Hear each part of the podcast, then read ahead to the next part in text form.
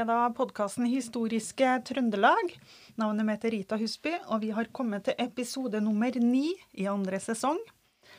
Og det her er da del tre av de her eh, tre jubileumsepisodene vi skulle legge ut om avisartikler fra 1920 til 1929. Og jeg har jo med meg en Svein Olav Meistad, som òg har samla en del artikler, så vi fortsetter å lese opp gamle nyheter. Men høsten 1920 så slo det en økonomisk krise inn i Norge. Inflasjon fikk Norges Bank til å pålegge nordmenn om å leve mer sparsommelig. Men en innså snart at sparsomligheten og lave forbruket førte til en veldig lav vekst, og dermed forverra nedgangstiden. Særlig øka norsk produksjon, bl.a.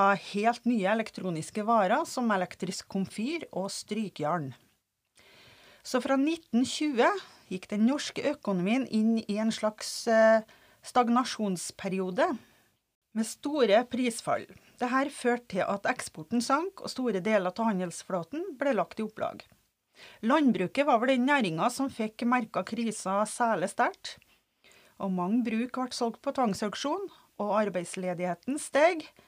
Og den var vel opp mot 24 da i åra etter 1920. 1920-tallet var jo det tiåret hvor den store veiutbygginga ble satt i gang. Og det får du høre mer om i denne episoden. Og Svein Olav, du er fortsatt eh, med? Ja, det er jeg. Har eh, en bunke her liggende foran meg. Mm. Jeg har lyst til å starte med hva Nasjonalbladet skriver om i desember 1922.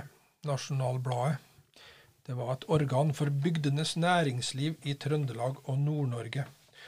Og de hadde da en, ja, hele førstesida via til nye veianlegg i Nord-Trøndelag. Og når en leser det her, så blir en overvelda over hva som foregikk på den tida. Um, det, de må ha en overingeniør Korsbrekke som uttaler seg til Nasjonalbladet. Jeg tar med bare litt av det her. Mm. Eh, skrev om eh, Grong-Vefsenveien er nå kjørbar neste sommer. Den, av den store hovedvei fra Trøndelag til Nordland over Namsskogen står det nå bare igjen å planere ca. 1200 meter. Dessuten er det en bro igjen å bygge, og denne broen over Meldingselven, en liten betongbro med fire 15 meters spenn. Veien vil bli ferdig i 1924. Eh, så har vi veien Kolvereid-Ottersøy. Det er et stort broanlegg. Eh, veianlegget Kolvereid-Ottersøy ved Rørvik er et 18 km langt hovedveianlegg som ble påbegynt i 1916. og På denne veien er det to, vei er det to store broer, hvorav den ene over Sørsalten er så høy at eh, skipene skal kunne passere under den. Av denne vei er nå ca. 12 km ferdig, og denne del vil bli overlevert til våren. Eh, Tøtdal, Stadlandet, der gjenopptar de veiarbeid. Det ti km lange veianlegget Tøtdal-Stadland i Otterøy det ble påbegynt òg i 1916. Arbeidet har imidlertid stått stille et par år pga. Namsbruen, som krever en så stor del av bevilgningen at en, at en del andre anlegg måtte hvile. Bare tre kilometer av veien er hittil planeret. Nå vil arbeidet bli gjenopptatt og fortsettes kontinuerlig inntil anlegget er ferdig. Og eh, Overslagssummen for dette veianlegget er kroner 240 000, så de kom langt med noen kroner den gangen. Denne, nå I dag så er de ikke kommet mange meterne for 240 000. Nei, de har ikke kommet en meter engang, tror jeg. Uh, veien langs Namsens sydside har man under arbeid en hovedvei som begynner ved Hindrum ferjested, og som vil skaffe sammenhengende forbindelse fra Formofoss til Namsen bro. Denne vei vil få stor betydning for bygdenes forbindelse med jernbanen. Strekningen Hildrum-Namsen bro venter man få ferdig til sommeren. Bangsund-Spillumveien er nå det eneste nødsarbeidet i gang. Den viktigste veiforbindelse i Nord-Trøndelag som ennå gjenstår, er hovedveien Bangsund-Spillum. Denne vei, som er 11 km lang, anlegges med 4,5 meters bredde og er beregnet til å koste 800 000. Den 12 km lange nye eh, forbindelsen mellom Åsen og Frosta er nå omtrent ferdig. Det gjenstår bare ca. en halv kilometer. Veien er allerede i sin nåværende stand farbar for automobil. Og i, i eh, Meråker har de òg nødsarbeid på veien Meråker-Kopperån. Nødsarbeid, det var vel Det var mye arbeidsledighet på den tida. Jeg går ut fra at det var nødsarbeid, at de satte folk i arbeid da, for at de skulle få noen kroner av inntekt. Eh, det ble, um, den veien Meråker-Kopperån var som tidligere meddelt avbrutt i sommer, da bevilgningene var oppbrukt. Arbeidet er nå ikke gjennomtatt, men veien er kjørbar, nesten i sin hele lengde, bare med noen små avbrytelser. Og Sandjordaveien er òg åpna for automobiltrafikk. Eh, den nye veien Leksvik-Verrabotn ble påbegynt i 1918. Vegvesenets anlegg av veien fra Køen til Skotrøbakken er hele den vei med én arm ned til rønningen i Leksvik, sju kilometer lang. Én kilometer er bygget ferdig. Det er meningen å føre denne veien helt ned til Verrabotn. Eh, det her var da i 22, begynnelsen på 20-åra det foregikk. Og veien før den tida, det var jo bare noen kjerreveier. Og automobilen har jo gjort sitt inntog. Og de så jo fordelene med å få fram post. Så de måtte uh, sette i stand hovedveien til å kunne takle biltrafikken. Uh, blant annet så var det uh, hovedveien Orkdal-Hemne, eller veien da mellom Trondheim og Kristiansund, var jo òg under planlegging. Her er 1926 fra avisa Sør-Trøndelag. Det er et innlegg eh, av en nordmøring som skriver det. Efter den av herr overingeniør A. Rode fremlagte veiplan og beregning sees at hovedveien lagt om Snilfjord blir vel 30 km lengre enn den om Søvassdal, når man regner fra Bårdshaug i Orkdal til Vinjeøren. Og skal veien tjene som hovedveiforbindelse mellom store deler av to fylker, Sør-Trøndelag og Nordmør, ja, Trondheim og Kristiansund med, så er det klart at den må fortsette på sydsiden av Vinjefjorden. Eh, er de herder som anbefaler Snilfjordlinjen, klar over at de herved forlenger nevnte hovedveiforbindelse med hele tre mil, og skyter ut åpningen av veien sikkert med ti år? Denne bør absolutt ligge over Søvassdalen skriver han her nordmøringen. Og slik ble det vel. Over Hemnekjølen og Søvassdalen så kom hovedveien. Heldigvis. Jeg avvis ei avis fra 1923, februar, noen mystiske lys i luften. Sist uke har folk på Salsnes, Gjøa og Kolvereid en del kvelder sett et mystisk lys i luften og har hørt en lyd samtidig som ligner en sterk surr, omtrent lignende lyd som er eh, riktig turende spinn. Derfor vil frembringe når den blir sterkt drevet. Ja. Første gang man så dette lyset, var forrige uke, i tiden mellom klokka sju og klokka åtte på kvelden. På Salsnes forteller man at man så to lys, et rødt og et blankt, nesten hvitt, som kom i retning syd-sydvest. Samtidig, samtidig, så hørtes det en sterk dur, så sterk at folk inne i husene ble oppmerksom og sprang ut og se hva det var. Eh, mellom Salsnes og Gjøa så ble kursen lagt vest, og da så man et grønt og et blankt lys. Folk som var ute hele tiden, fulgte lysene og så dem i 20 minutter. Mandagskvelden så man omtrent på samme tid lignende lys i samme retning. To kvelder omtrent midt i forrige uke så en del folk på Salsnes og Gjøa lysene over Gylta. Jeg vet ikke om jeg uttaler rett. Gylta, Gylta. Eh, da sto lysene stille et øyeblikk, og da så man både grønt og rødt og blinkende lys med en gang. Man skal også ha sett eh, lignende bevegelse bevegelige lys på Kolvereid en kveld i forrige uke. De som har sett disse mystiske lys, tror at det må ha vært en flyvemaskin fra et eller annet spritsmuglerfartøy som man har befunnet seg i farvannet i nærheten. Ja. Det var vel ufo, tenkte jeg. Det var kanskje ufo, ja. Jeg har lyst til å fortsette med vei. Ja. Veiene.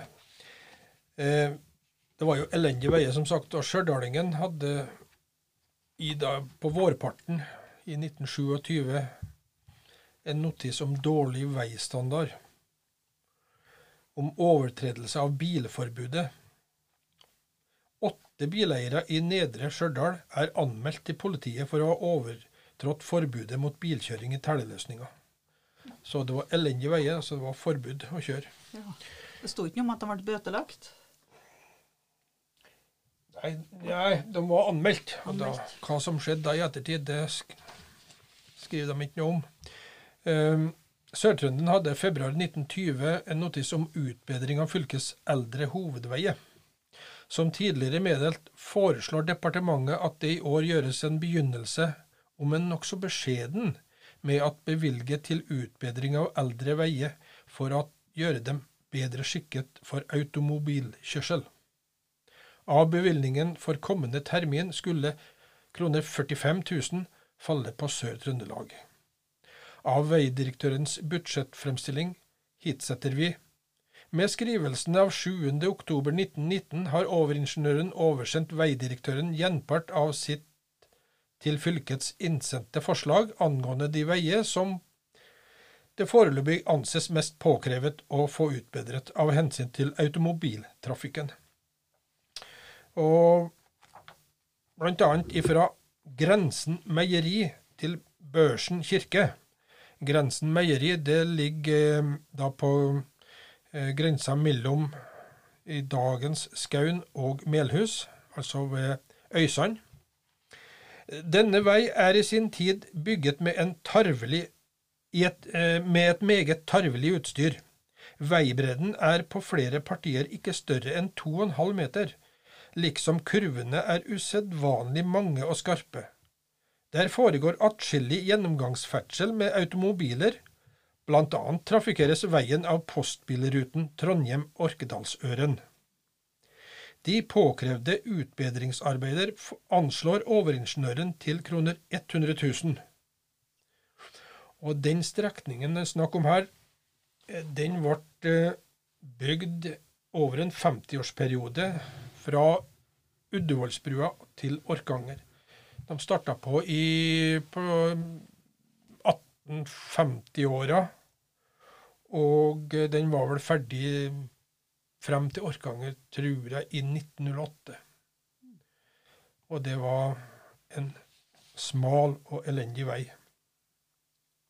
som har vært i bruk som hovedvei helt nå siden. Når kom E39? 2005? Ja. Da skal vi til Hemne i 1929, hvor det da ble gjort et eh, likfunn i Hemneskogen. Den første artikkelen jeg finner om denne saken, er fra Arbeideravisa, og de skriver En mann fra Hemne som i går morges var ute på Hemneskogen for å lete efter hester, fant i et avsidesliggende skogholt et sterkt forråtnet lik av en mannsperson. Lensmannen ble varslet og foretok undersøkelser for å få brakt på det rene hvem den avdøde var. Det fantes bare en kvittering for en forsendelse til Jordan børstefabrikk i Oslo. Ved henvendelse til stasjonsmester på Lesja verk har lensmannen fått opplyst at en mann ved navn G. Larsen og børstenbinder av profesjon en gang i mars hadde levert en pakke til firmaet Jordan. Det er sannsynlig at det her er tale om samme person. Avdøde skal være hjemmehørende i Oppdal i Numedal. Lensmannen mener at mannen har dødd av naturlige årsaker, og liket antas å ha ligget i skogen i 14 dager. Så skriver avisa Nidaros. Distriktslege Nilsen har undersøkt liket. Det er ingen spor til ytre vold. Siste gang noen hadde forbindelse med denne omvankende børsenbinder, var for 14 dager siden. Han hadde da en natt på en av Nesgårdene. Distriktslegen som Nidaros korrespondent har talet med, mener at han har sittet i skogen og arbeidet med børster, og at han så har lagt seg ned for å hvile og dermed sovnet inn i døden. Det fantes ingen penger på mannen, og man tror derfor at før han la seg ned til å hvile, kan ha gjemt bort pengene sine, noe som slike omvankende personer ofte pleide å gjøre som en slags sikkerhet. Og så en ny artikkel fra avisa Nidaros. Liket av den omvankende børstenbinder er plyndret, Taterhund luktet liket. Taterfølget på Hemneveien gjorde en stans i marsjen like ved stedet hvor liket senere ble funnet. Som tidligere omtatt fantes det ikke penger eller pengepung på den døde mannsperson. En omvankende børstenbinder fra Numedal som fantes i Nesmarken i Hemne. Dette mener man er noe underlig, for folk som mannen hadde solgt børster til, forteller at han hadde både pengepung og penger. Det er derfor oppstått en mistanke om at likrøvere har vært på ferde. Og man har en sådan mistanke til et taterfølge. Onsdag 26. juni vandret nemlig et taterfølge innover Hemneveien. Folk på gårdene la merke til at taterfølget stoppet på veien, like nedenfor der hvor liket senere fantes. Hunden deres tok nemlig å søke ganske voldsomt, og det ble en lengre stans i marsjen. Omsider fortsatte de dog et stykke innover veien, men da de hadde kommet i nærheten av Nesgårdene, vendte to ungdommer straks tilbake, og disse ble disse ble borte en god stund før de kom tilbake til Ness. Det er meget som taler for at hunden fant liket, ikke lenger fra veien enn den lå. Og hva ungdommen hadde der å gjøre tilbake, er det ingen som forstår, for de var ikke fremme hos folk. Stedet for den døde fantes, ligger litt langt ifra nærmeste gård, men det er god utsikt til veien der forbi. Så den eh, siste artikkelen jeg finner om det her, der står det det at det er nå drevet etterforskning for å få brakt på det rene om den tidligere omtalte taterfølget som oppholdt seg på Nesgårdene, kan settes i forbindelse med de omstendighetene eh, at det ikke fantes penger på liket av den omvankende børstenbinder. En pike på en av Nesgårdene har for den konstituerende lensmann fortalt at hun så taterfølget nede ved vannet, og at de vasket seg, men om de hadde vært oppe i skogen like ved, kunne hun ikke si. Man forsøker nå å få tak i taterfølget, som tidligere skal ha bodd i Orkdal, men som senere visstnok skal ha flyttet til en annen bygd i Sør-Trøndelag. Her stopper alle spor, for jeg leter bare i avisa fra 1920 til 29. Så um, har ennå ikke funnet svaret på det. Men min teori er at denne børstenbinderen har gjemt pengene sine i Nesskogen før han setter seg ned og hviler, hvis det var vanlig det for eh, sånne omstreifere. Så til våren nå så kan jo hemværingene ut og, ut og lete og se om de finner denne lommeboka til børstenbinderen. Så kanskje taterfølget her blir da renvaska etter 100 år. Tenk på det. Fra Hamsun er av nordmørsætt. Fru Maria Hamsun, dikterens hustru, er nordmøring. Nesten, skriver Tidens Grav. Hennes mor er født og oppvokst i Rindalen på Nordmør, men nå blir det altså Trøndelag, så vi kan kalle henne for trønder. Av hennes søsken og nærmeste slekt lever fremdeles flere i Rindalen. Likeså i Strømsneset. Gjerterud Romundstad var lærerinne til hun ble gift med agent Carl Andersen og bosatt i Kristiania. Et av deres mange barn var fru Marie Hamsun. Marie Andersen var i noen tid skuespillerinne, og kunstnernavnet var da Marie Rindal. Og var gift med Dore Lavik, leder og stifter av Det Norske Skuespillerselskap. Etter Laviks død ble hun i 1908 gift med Knut Hamsun. Mer stoff fra Rindalen, Sør-Trøndelag, januar 1920. Stort snøfall har det vært her nå en lang tid. All slags skogskjøring er derfor blokkert, og på hovedveien har man hatt et stort strev med å holde den noenlunde farbar. Nå ser det dog ut til at bli bedre hva været angår. Og så litt om alle elektrisitetsverker i bygden har, står nå stille grunnet vannmangel. Så allerede i 1920 så har de fått elektrisitetsverk i Rindalen.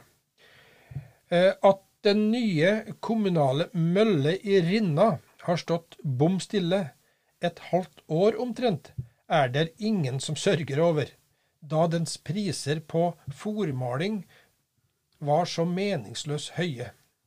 Eller står den kanskje og venter på privat initiativ? En liten ting fra Rindalen her òg, igjen. Fra Rindal herredsstyre står det skrevet i avisa Sør-Trøndelag i 1920. Eh, jeg tar med bare en sak her. Sak fire. Skrivelse fra Iver Dyr, Dyrenes med anmodning om at det innlegges elektrisk lys i den nye skole på Rindal.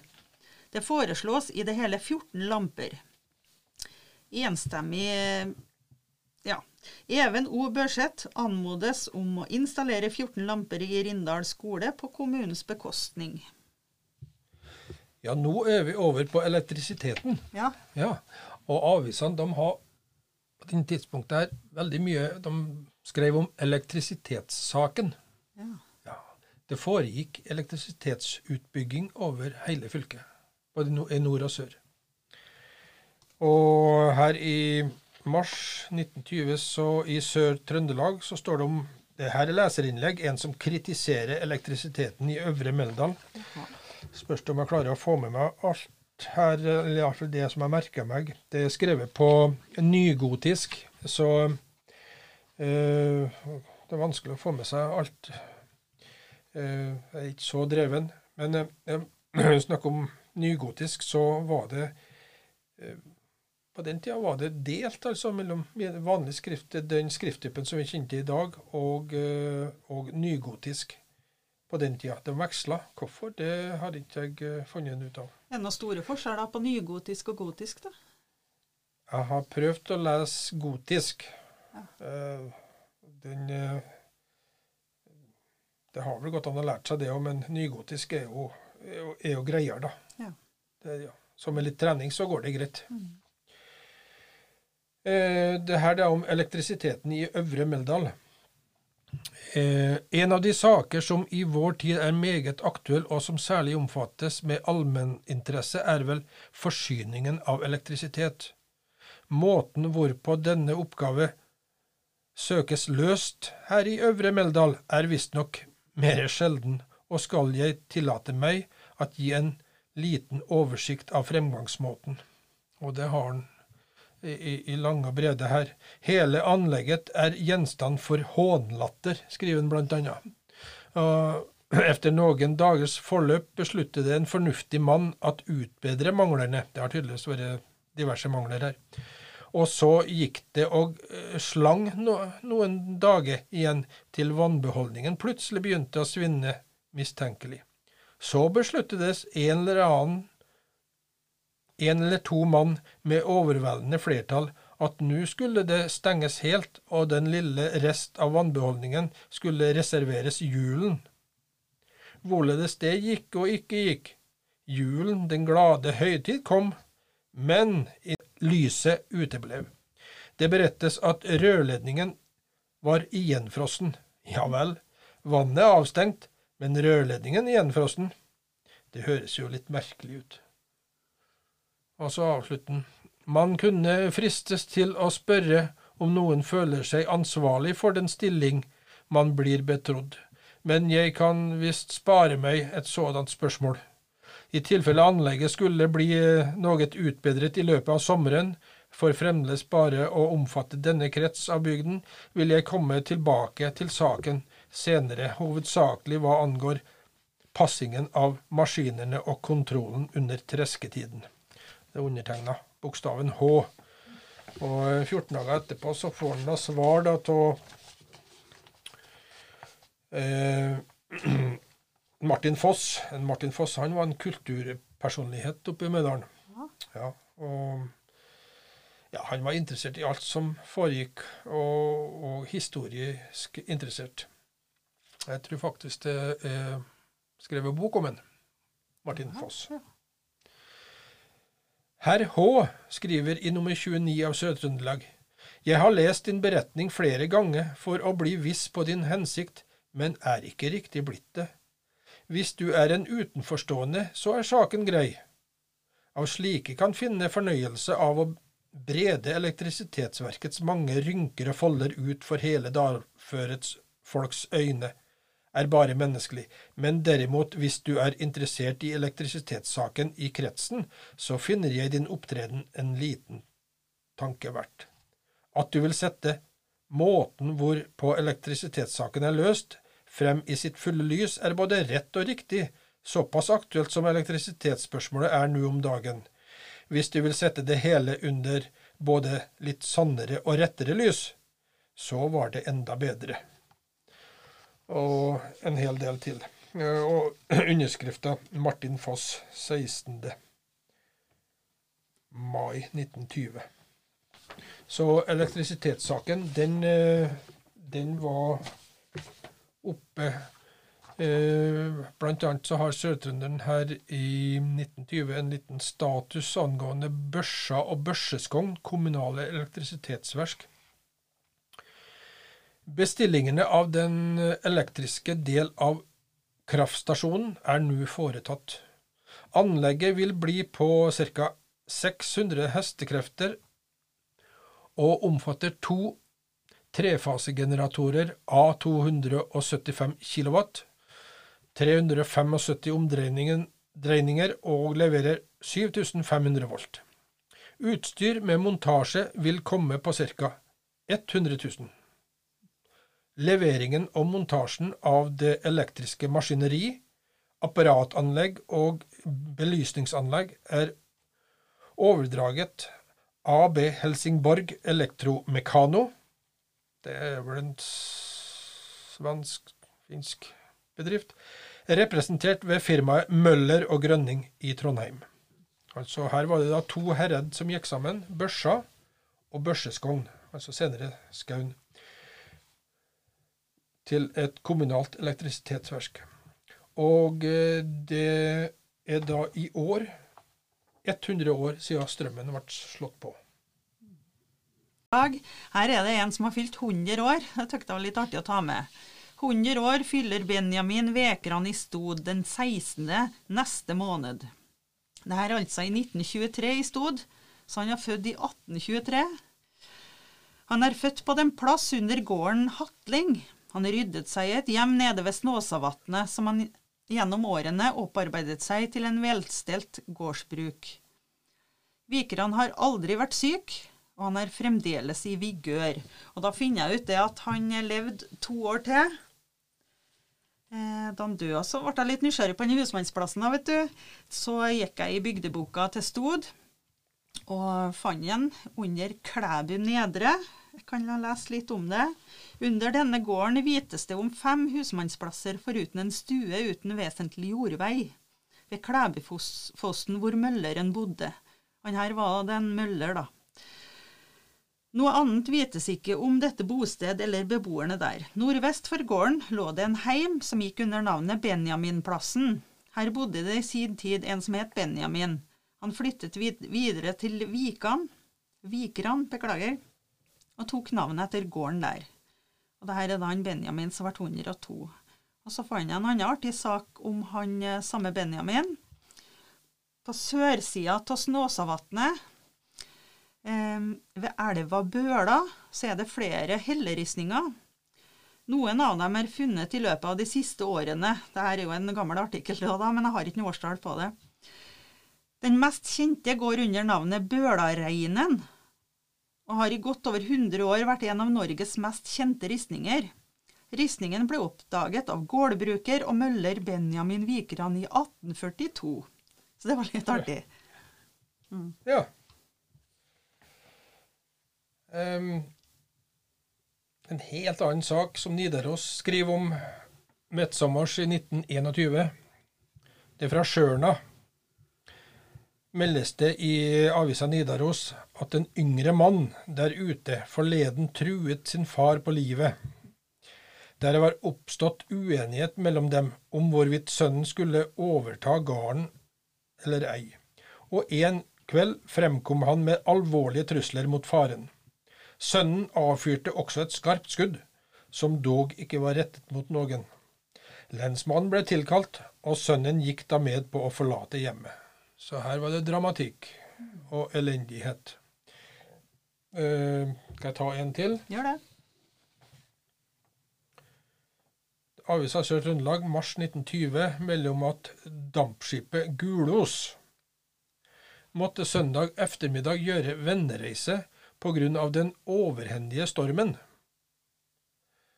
Efter avgangen fra børsa anløp det Viggen, men da de fleste passasjerer fant det fornuftigst å gå i land der, returnerte skipet, efter å ha lagt en times tid ved Viggakaien, tilbake til børsa. Så det var vel vestaværet, da, når han runda vidda, som ble for hard til Gulås. Um, Gulås Må fortelle litt om dampskipet ja. Gulås. Uh, I 1904 så var det en del interesser på Byneset, Buvik og Børsa.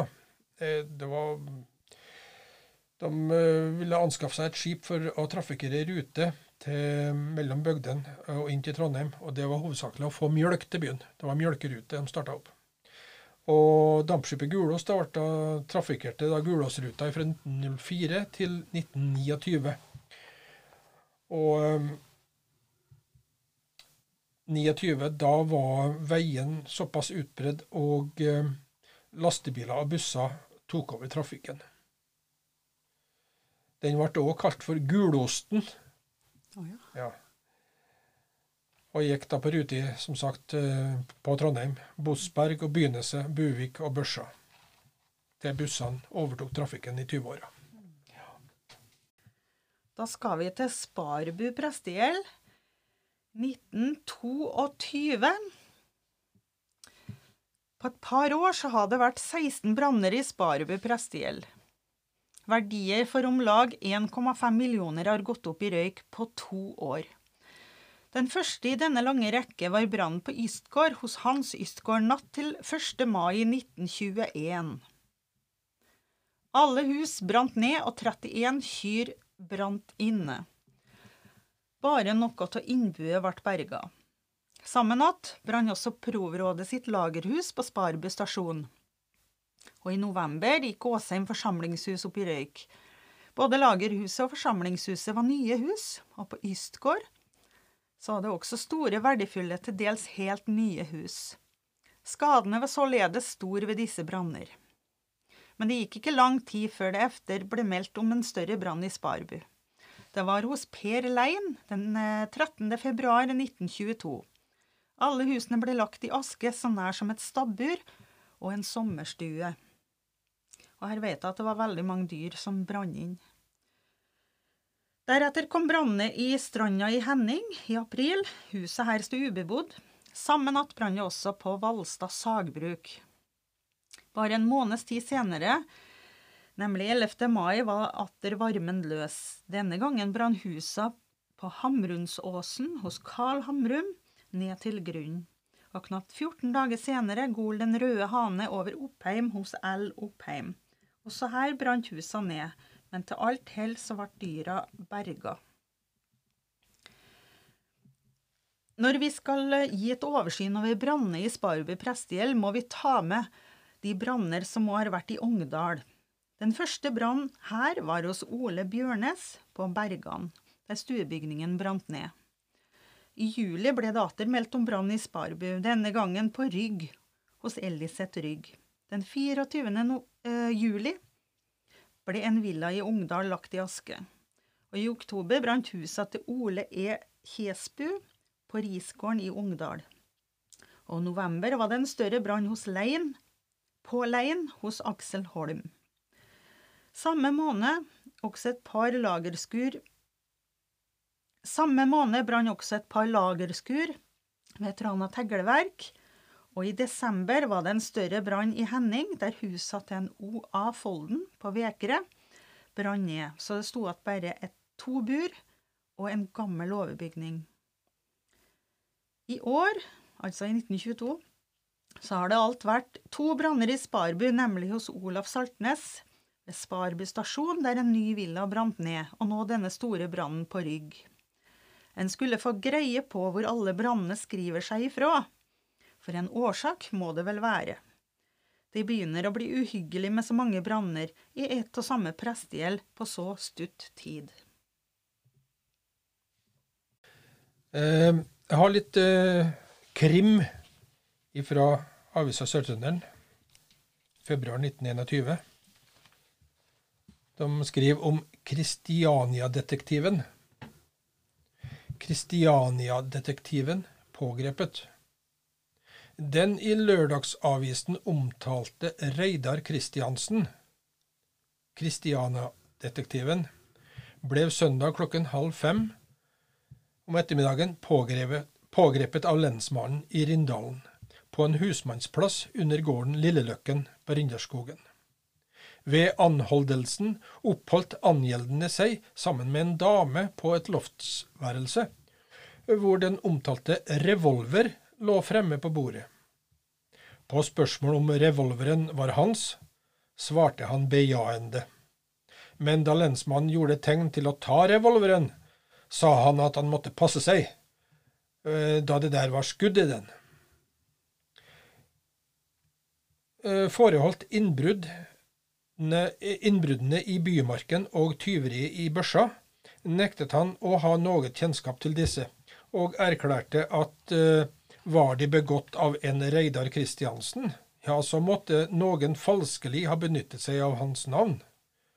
Han fulgte godvillig med lensmannen og ble av denne transportert til Svarkmo, hvorfra han ble videresendt til Tamsam arrest søndagsaften hvor han har oppholdt seg i tiden fra torsdag til lørdag, da han kom til Lilleløkken, har vi ikke kunnet få rede på.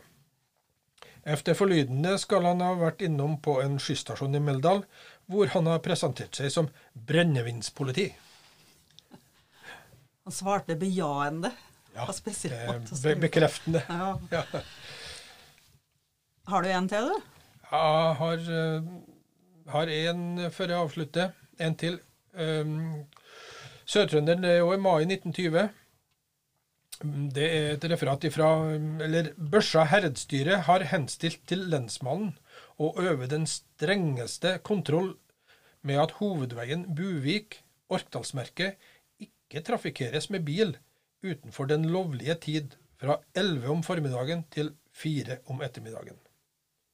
Lensmannen ber oss gjøre oppmerksom på dette, og på at dispensasjon til kjøring kun vil bli gitt når det godtgjøres at det er nødvendig for bilbred eller velferd. Så legg merke til at det var ikke lov til å kjøre på etter klokka fire om ettermiddagen til klokka elleve om formiddagen. Og det var det, var det her Børsa herredsstyre som stoppa trafikken i, der, da. Men andre herred igjen har lignende øh, øh, øh, lignende lover, da, kan du si, kalle det for det, som gjorde at du kan uh, måtte holde deg underretta om de forskjellige tidene som gjaldt i Herreda. jeg vet ikke om skal jeg ta den siste nå med en gang, eller skal jeg vente, men tar du en Jeg kan avslutte med en bitte liten sak, så du kan fyre løs, du. Ja. ja. Det er òg fra 1920 av avisa Sør-Trøndelag. Jeg syns den her er litt artig, så derfor har jeg villet vente med den til slutt. Mm. Det er en uoverensstemmelse mellom kjøretøy og fører.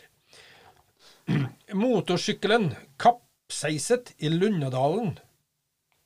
I går kom en motorsykkel med tilhengervogn i rivende fart efter veien inne ved Lund i Børsa. Som vanlig var der også en mann på sykkelen, men da mannen forsto at han ikke kunne komme overens med sykkelen, i den krappe sving i Lundadalen, besluttet han seg til å avbryte følgeskapet. Og med den voldsomme fart gikk dette vonum fortere. Han fikk neppe sukk for seg før han gjenfant seg langt oppe i veiskråningen. Sykkelen derimot fortsatte bent fram, som om intet var hendt, og havnet etter forskjellige kolbøtter i dalen, i atskillig ynkeligere forfatning enn mannen. Om kjøretøyet og føreren i ettertid ble enige om kjøringa, det skriver ikke avisa noe om. Artig sak. Avisa Sverre det var ei avholdsavis for eh, Trondheim og omegn. Jeg skal avslutte med noe som kalles for Ord for dagen fra Avholdsavisa 1928. Fattighus, dårehus, idiotanstalter og fengsler fylles av levende, kirkegårder av døde. Slik er kontoen for brennevinets gevinst i vårt land. det var det vi har. Takk for at du stilte opp, Svein Olav. Det her var kjempeartig. Ja, det var artig. Mm. Og uh, anbefaler folk til å Skal vi fortelle hvordan de finner det her? Ja, det må vi gjøre. Ja. Ja, for det her er ikke eh, bare for oss. Nei da. Uh, du må benytte av det internettet, da. Og gå inn på si- sidene til Nasjonalbiblioteket. Jeg tror du kan starte med er det NB, bokstaven Nils Birger. NB. Mm. Eller søk bokhylla.no. Ja. Eh, nb.no. Og eh, gå inn på en link der som går imot aviser. Og der kan du sortere på år, fylker og eh, de forskjellige avisene. Og du kan jo ta frisøk hvis det er noe spesielt du leter etter, da. Ja. Det er veldig mye artig lesestoff. Kanskje vi tar en ny podkastepisode fra en annen tidsperiode. Vi får se hvor populært det blir.